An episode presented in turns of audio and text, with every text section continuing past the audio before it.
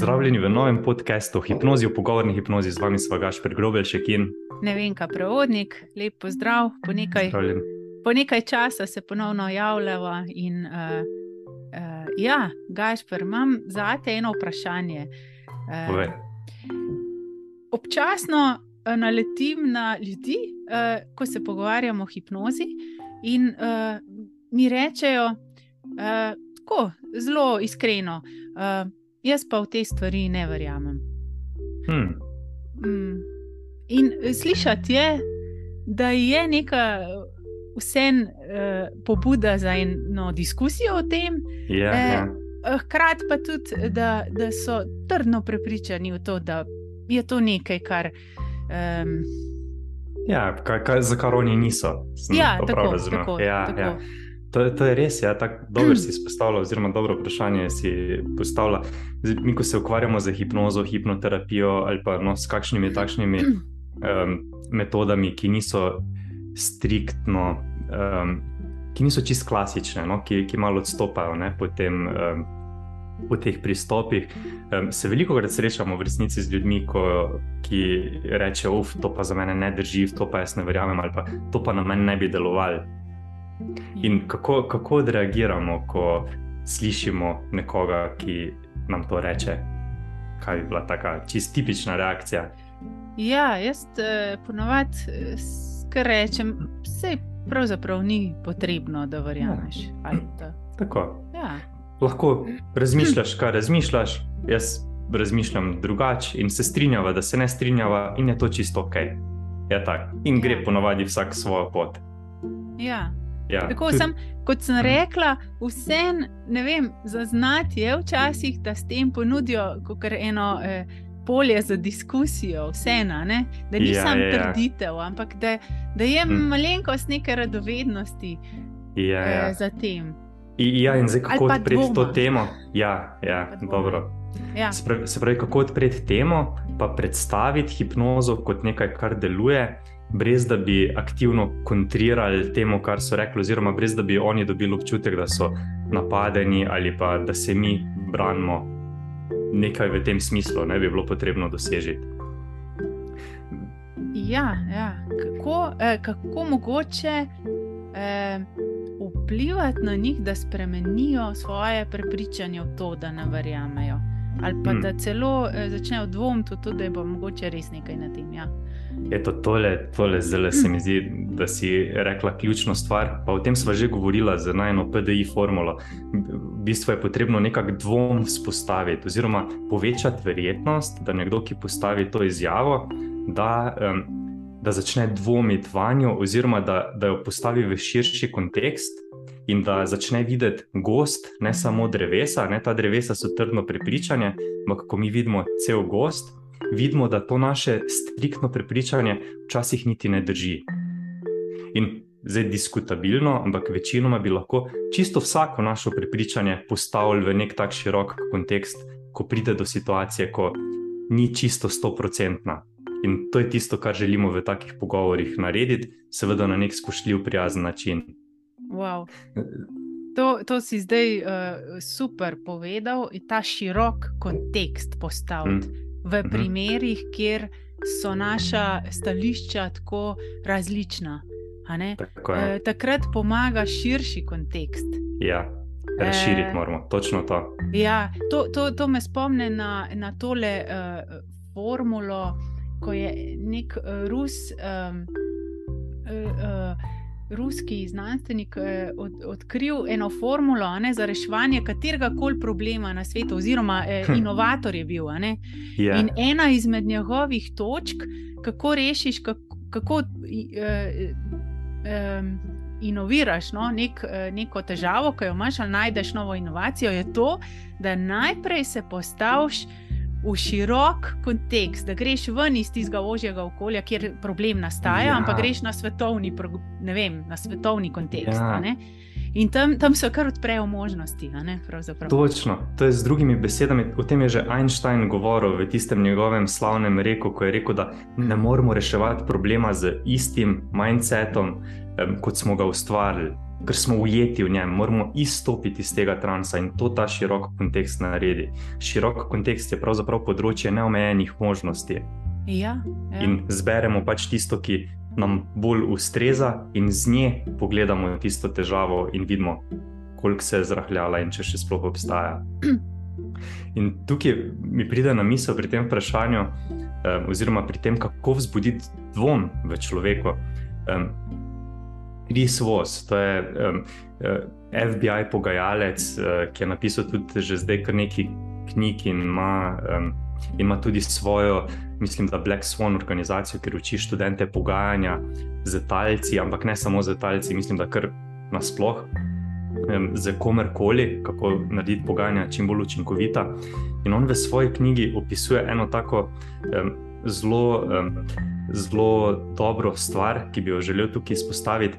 Ampak še prej bi želel povedati, da je to točno tisto, o čemer se tudi mi dva iz podcasta v podcast pogovarjava, da gre pravzaprav za princip pogovorne hipnoze, ki ga je on mal po svojo besedo. In on v svoji knjigi opisuje miselnost talca.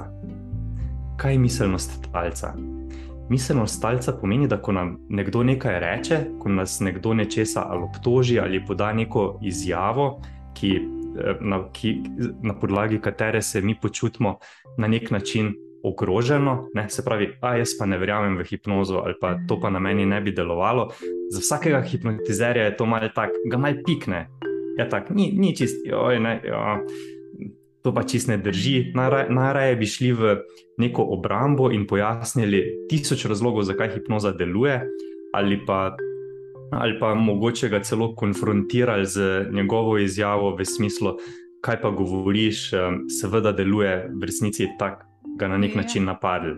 To je tako podobno, kot da bi se srečali dve veri, muslimanska in krščanska. In zdaj, kdo, kdo ima prav? Ja. Točno to in se, in se v ta boj ne, um, ujamemo. Ja.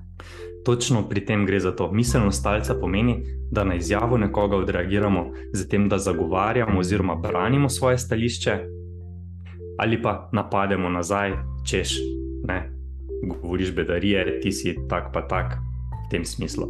Boj ali beg v resnici. In tako mi pride na misel, da je to pravzaprav um, reakcija simpatičnega živčnega sistema, ko se mi dejansko počutimo uh, ogroženi, veš, ko je tist, tista čisto podzavestna reakcija, kadar imamo občutek, da, um, da smo v neki ogrožujoči situaciji, kako odreagiramo. E, ali se um, ali bežimo stran, ali zmrznemo in ne vemo, kaj bi. E, ja. ja, točno to. In isto se dogaja v pogovorih ali zmrznemo, ko nas nekdo napade na tak način, ali se začnemo braniti, ali pa začnemo napadati. Ja, in veš, kaj sem še pomislila, ko se vklop simpatiko in zmrznemo in smo kar ogroženi in želimo, a ne se v ta odziv, nam hkrati se.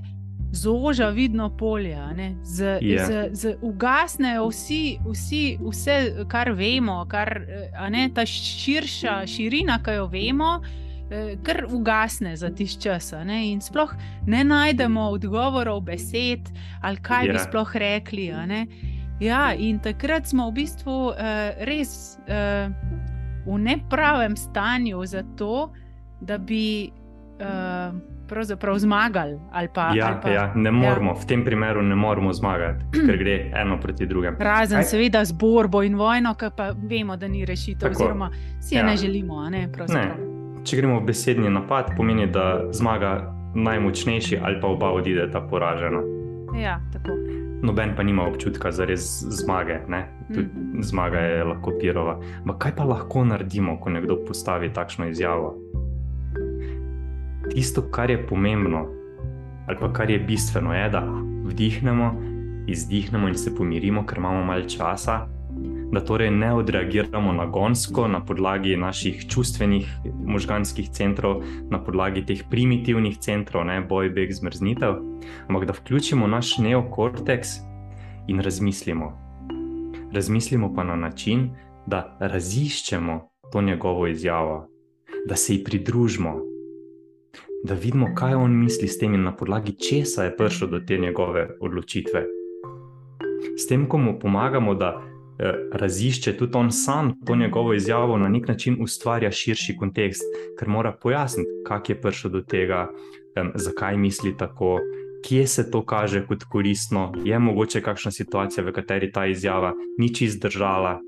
Ker, tako, ker ti in jaz vemo, da smo vsi hipnotizirani na dnevni bazi, in če nekdo reče, da ne more biti hipnotiziran, vemo, da to ne more držati, ker gremo skozi dan, skozi, na, skozi dan doživljamo na stotine transov.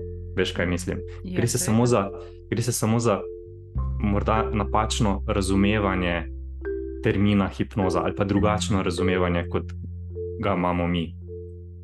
Torej, kako zdaj to raziščemo? Besedno je, imamo veliko pristopov, da to dosežemo. Najbolj enostavno je, recimo, kako se pridružiti nekomu, je enostavno zrcaljenje. Ti me vprašaš, da je samo da ti igrate eno tako igro vlog. Kar... Ja, ja, velja.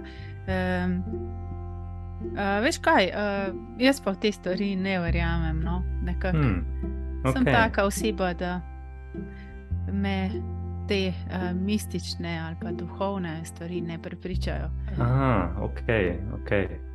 Torej, če te prav razumem, v te stvari ne verjameš in te ne prepričajo? Um, ja, se mi zdi, da smo ljudje, um, ki se odločamo, ki prevzemamo odgovornost za svoje stvari in da ne mm. morejo kar neke stvari vplivati na nas. Ja, ja, ja. ja. Spravi, eh, tako nekako razmišljaš, da ne morejo kar neke stvari vplivati na nas. Sem to prav razumel? Ja, ja. jaz kar se odločim, to naredim. Um, in uh, mnenja drugih ali pogovori, uh, pravzaprav, ja, hmm. uh, niso tako. Uh, bom rekla, da bi. Uh, oziroma, pravzaprav. Uh, niti ne vem točno, kaj ta hipnoza je. Aha, okay. e, ampak se mi zdi, da ne more to nekaj delovati. No? Okay, okay. Ja. Se, se, če narediva tukaj samo time out, si videla, kako si že zdaj naredila en tak preskok, v, to pa za mene ne velja, v, se mi zdi, da to ne velja. Ja. Ker, ne ve, ker niti ne vem točno, kaj to je. Ja, ja sem že sama. Si, si že sama. Ja. In vse, kar sem počel, je samo to, da sem zrcalil tvoje lastne besede nazaj in s, tebi, in s tem tebi omogočil, da razširjaš kontekst, ki si ga na začetku ustvarila. Ja. Se pravi, to ne velja za me, ne more nekdo tako vplivati na me. Z zrcaljenjem sem ti omogočil, da pojasniš to in razširiš kontekst, s čimer že sama prihajaš v, možnost, v, v, v, v področje večjih možnosti. In veš, ena izmed teh drugačnih možnosti je pa tudi ta, da že um, sama razmišljaš v smislu, da verjetno to za te ne velja, spravi, da prideš do tega dvoma. Bi bilo fair reči, da si nekaj takšnega doživljala? Ja, ja dal si mi, seveda sem mogla. Eh, Povabo si imel razgovor, ne, ja, o odpiranju tako. mojih razmišljanj ja, o tem. Ja, ja. Ko prej naletiš na, ne, na neko, neko um, polje, ki je pa hmm. mal dvoma in je ja, dovzetno ja, ja. za to, da, da tam pa ni čist tako, kot je. E, okay, ja. Ja. In zdaj, ko, ko pridemo do tega, veš, ko sem v tebi prebudil malo tega dvoma, rekli si, da se ti zdi, da to na te ne more delovati če želim v tebi povečati ta dvom, kaj te bom vprašal. O, povej mi, tako je slišati, da nisi čisto eh, stoprocentno prepričana, da to zate ne velja, ampak da se ti zdi, da to ne velja. Da mi malo pove o tem, se ti zdi, da to ne velja. Se mi zdi tako, da bi znal biti zelo um, koristno za ta najmenj pogovor. Ja, Jaz zelo eh, ne bom pač odgovarjala, ja, ja, ampak ja, povabiš ne, v, mm. v mhm. tem, da se odpirajo te vsebine, dvo, ki temeljijo malo na dvomu. Ja. Um, pa Točno še to. nekaj sem se spomnila, eh, ko si govoril o tem, eh, da se počutimo ogroženi, miselno stalca. Eh, mm -hmm, mm -hmm. eh, prva stvar, ki pomislim, ko se počutimo ogroženi, ne, iščemo neko mentalno orožje ali pa besede, se pravi besede, ki bojo ali napadle, ali, ali zmrznemo, mm. ali ne. Ja. In, uh, in prvi, se pravi, odziv simpatika je to, da, da uh, iščemo obrambo, Uh -huh. v nasprotju s tem, da če pravzaprav smo pomirjeni, smo pa, pa ne, ne, pa, ne rabimo orožja, ampak upamo iti nasproti Ja. tistemu, eh, ki stoji pred nami. Tako kot si predstavljamo v neki vojni. ne.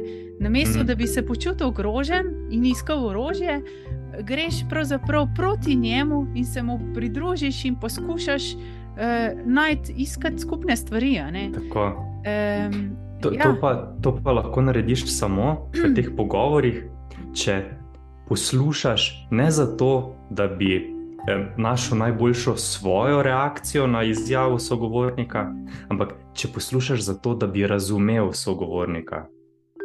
Ker, ker ljudje večinoma poslušamo zato, eh, oziroma mi poslušamo z enim ušesom, z drugim pa že razmišljamo, oziroma ne z ušesom, z možgani pa že razmišljamo, kako se bomo odzvali. tako. In ta del moramo presežiti. Mi samo poslušamo, nas samo zanima njegov svet in ne razmišljamo o našem odzivu, ampak razmišljamo samo o tem, kaj nam on v resnici govori, kako se zdaj to, um, kakšen kontekst ima to v njegovem svetu, v njegovih možganjih. Ja, To nas zanima. tako razmišljam, da ta drugi del, ko, ko sicer ne, uh, m, iščemo eh, orodja ali pa besede, s katerimi bi se branili. ali, a ne, Mhm. eh, ta del je pa dobro, da, da čutimo eno varnost tukaj. Ja, ne, In eno, eno, eno pozitivno notranje stanje, in pravzaprav ta del moramo pomiriti, ta drugi del. ja, ja. a ne, in okrepiti ga, ki raziskuje Mhm. nasprotnika, eh, nasprotnika, sogovornika. Sogovornika, Kris Vos reče nasprotnik. A, O, okay. vedno, ja, ker on, on uči o tem, eh, o, o tem pogajanju z talci eh, in se ukvarja z kriminalci.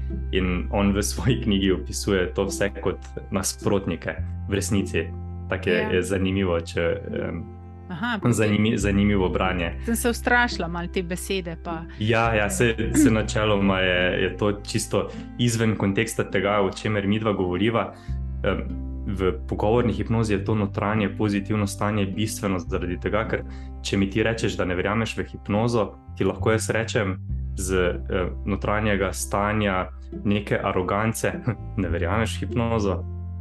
Veš, kako se bo to slišalo? Ne? To ni povabilo k pogovoru, to je pravzaprav neko Obsojanje. Povabi, obsojanje, ja. točno to.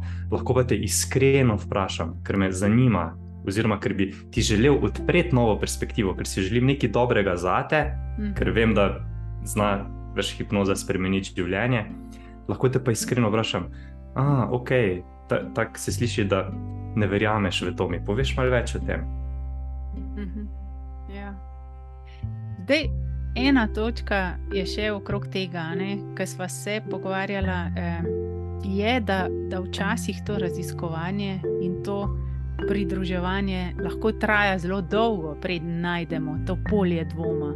Mm, res je. Eh, ja, eh, Bolje trdno prepričanje, dlje časa traja, da se premakne.